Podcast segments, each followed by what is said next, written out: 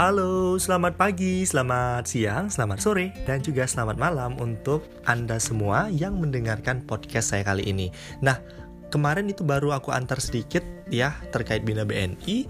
Nah, kali ini aku akan kasih tahu teman-teman yang lagi persiapan tes Bina BNI ataupun yang sedang dalam tahapan tes Bina BNI. Nah, Bina BNI itu apa sih sebenarnya? Nah, Bina BNI merupakan program pelatihan kerja dan bimbingan kerja kepada angkatan kerja yang belum berpengalaman.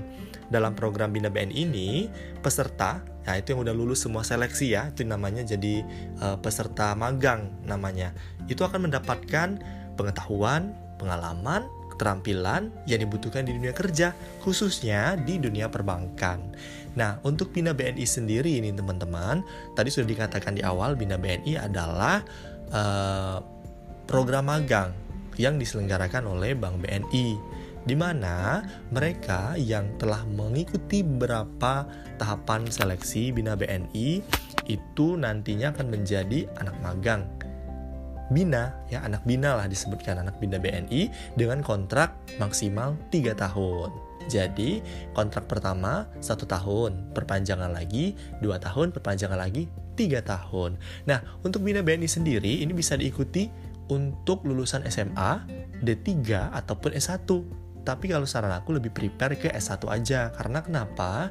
Karena kesempatan untuk menjadi uh, lebih baik ya ataupun tahapan yang lebih baik menjadi karyawan tetap itu berpeluang cukup besar untuk kamu yang lulusan S1 tapi nggak tahu ya nggak menutup kemungkinan kalau SMA tapi sepengalaman aku aku sharing-sharing dengan senior aku dan aku lihat juga yang nyata di KC tempat aku kerja, KC Bengkulu, itu memang yang berpeluang untuk diangkat menjadi pegawai tetap itu adalah mereka yang lulusan S1. Sedangkan untuk SMA itu biasanya setelah tiga tahun kontrak selesai atau mungkin selama masa kontrak, selama masa uh, mereka keterima di Minda BNI mereka melanjutkan kuliah itu bisa menyesuaikan nantinya ijazah mereka jadi naik ya sudah lulus S1 pada masa magang mungkin itu akan dipertimbangkan seperti itu nah lanjut lagi Bina BNI sendiri ini ada dua nih teman-teman dibagi ada uh, frontliner dan juga back office di mana frontliner kita tahu namanya front ya di depan. Nah, jadi mereka ini tugasnya itu menjadi asisten pelayanan uang tunai atau yang lebih familiar kita sebut sebagai teller. Mas-mas cakep, mbak-mbak cantik ya yang datang uh, yang menyambut kalian ketika kalian datang bukan satpam nih bukan satpam. Jadi setelah dari satpam kan kalian duduk nih di banking hall. Nah di sana kalian menemukan ataupun melihat uh, teller ada meja ada nomornya ada meja ada nomornya lagi. Nah di mesin antrian pun juga bilang gitu kan. Teller 1, teller 2, teller 3 dan seterusnya. Nah itu adalah mereka umumnya rata-rata adalah kalau di BNI ya, anak bina BNI frontliner di bagian teller. Sedangkan yang kedua adalah mereka yang uh, bekerja ataupun magang ya, bisa dikatakan seperti itu, magang di bagian back office. Mereka membantu bagian administrasi, logistik dan lain-lain. Pokoknya ditaruh di bagian eh, SDM umum ya kalau misalnya di sebuah kantor itu divisi umum itu teman-teman jadi ada frontliner dan back office nah kemudian untuk benefit atau salary-nya aku kasih tahu ke teman-teman itu alhamdulillah ya sangat-sangat alhamdulillah kalau untuk SMA D3 dan S1 itu berbeda, ada perbedaan sedikit. Tapi aku kasih gambaran ya untuk SMA aja. Kalau Bina BNI di Bengkulu itu aku bisa kasih tahu yang mereka dapat uang saku namanya ya, bukan gaji. Jadi uang saku Bina itu di atas UMP Bengkulu. Terbayang kan? UMP Bengkulu aja aku kasih tahu gambarnya sekitar 2 juta 200-an nih. Nah, sedangkan uang saku yang mereka terima itu di atas UMP.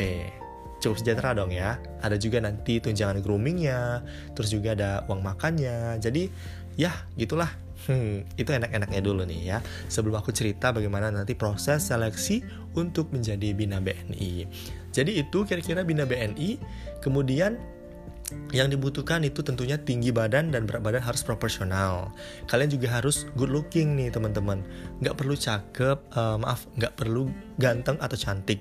Ketika kalian ganteng cantik tapi kalian gak bisa membuat diri kalian menjadi good looking atau menarik ya itu pasti akan kalah dengan orang yang biasa-biasa aja. Ketika dia grooming itu nanti yang cowoknya tambah cakep yang ceweknya makin cantik. Nah itu malah akan menjadi pertimbangan. Good looking di sini dalam artian bukan harus ganteng bukan harus cantik tapi harus menarik, enak dilihat ketika orang datang ke sebuah bank. Tentunya ketika melihat tellernya cakep cantik tuh rasanya wah gimana gitu kan daya tarik tersendiri nih. Kalau yang cewek-cewek pasti deketin mas-mas tellernya. Kalau yang cowok-cowok pasti genit-genit sama mbak-mbak tellernya. Aku aja. Nah kayak gitu kira-kira ya gambarannya untuk kamu yang ingin menjadi bina BNI apalagi ya kira-kira yang mau aku sharingi nanti aja deh ke podcast selanjutnya ya. Aku bakal sharing um, prosesnya kemudian uh, apa lagi ya ya itu tadi sih secara garis besar secara umum aku kasih gambaran ke teman-teman Bina BNI itu seperti apa. Jadi memang masih masa kontrak ya. Kami itu kami ini kadang-kadang bingung. Kami itu magang tapi kayak udah kerja gitu nah. Gimana sih bilangnya? Ya gitulah pokoknya enak lah. Nanti untuk teman-teman yang sedang berjuang, aku beri semangat ya. Semoga tercapai, semoga lulus seleksi demi seleksinya. Nanti di podcast selanjutnya aku bakal bahas uh, seleksi masuk Bina BNI di tahun aku di 2019 sebelum pandemi tentunya. Mungkin itu aja podcast aku kali ini. Semoga tertarik untuk teman-teman yang ingin bertanya-tanya silahkan langsung atau di Instagram aku juga boleh di @upyonly1, di Facebook aku di Abdurrahman Yusuf atau bisa langsung kalian uh, ke mana ya datangin aja aku langsung di BNI KCP Bintuhan Oke itu aja mungkin ya terima kasih untuk kamu yang udah dengerin podcast aku yang cukup panjang 6 menitan lebih Dadah, selamat siang, selamat pagi, selamat sore, dan juga selamat malam. Sampai jumpa.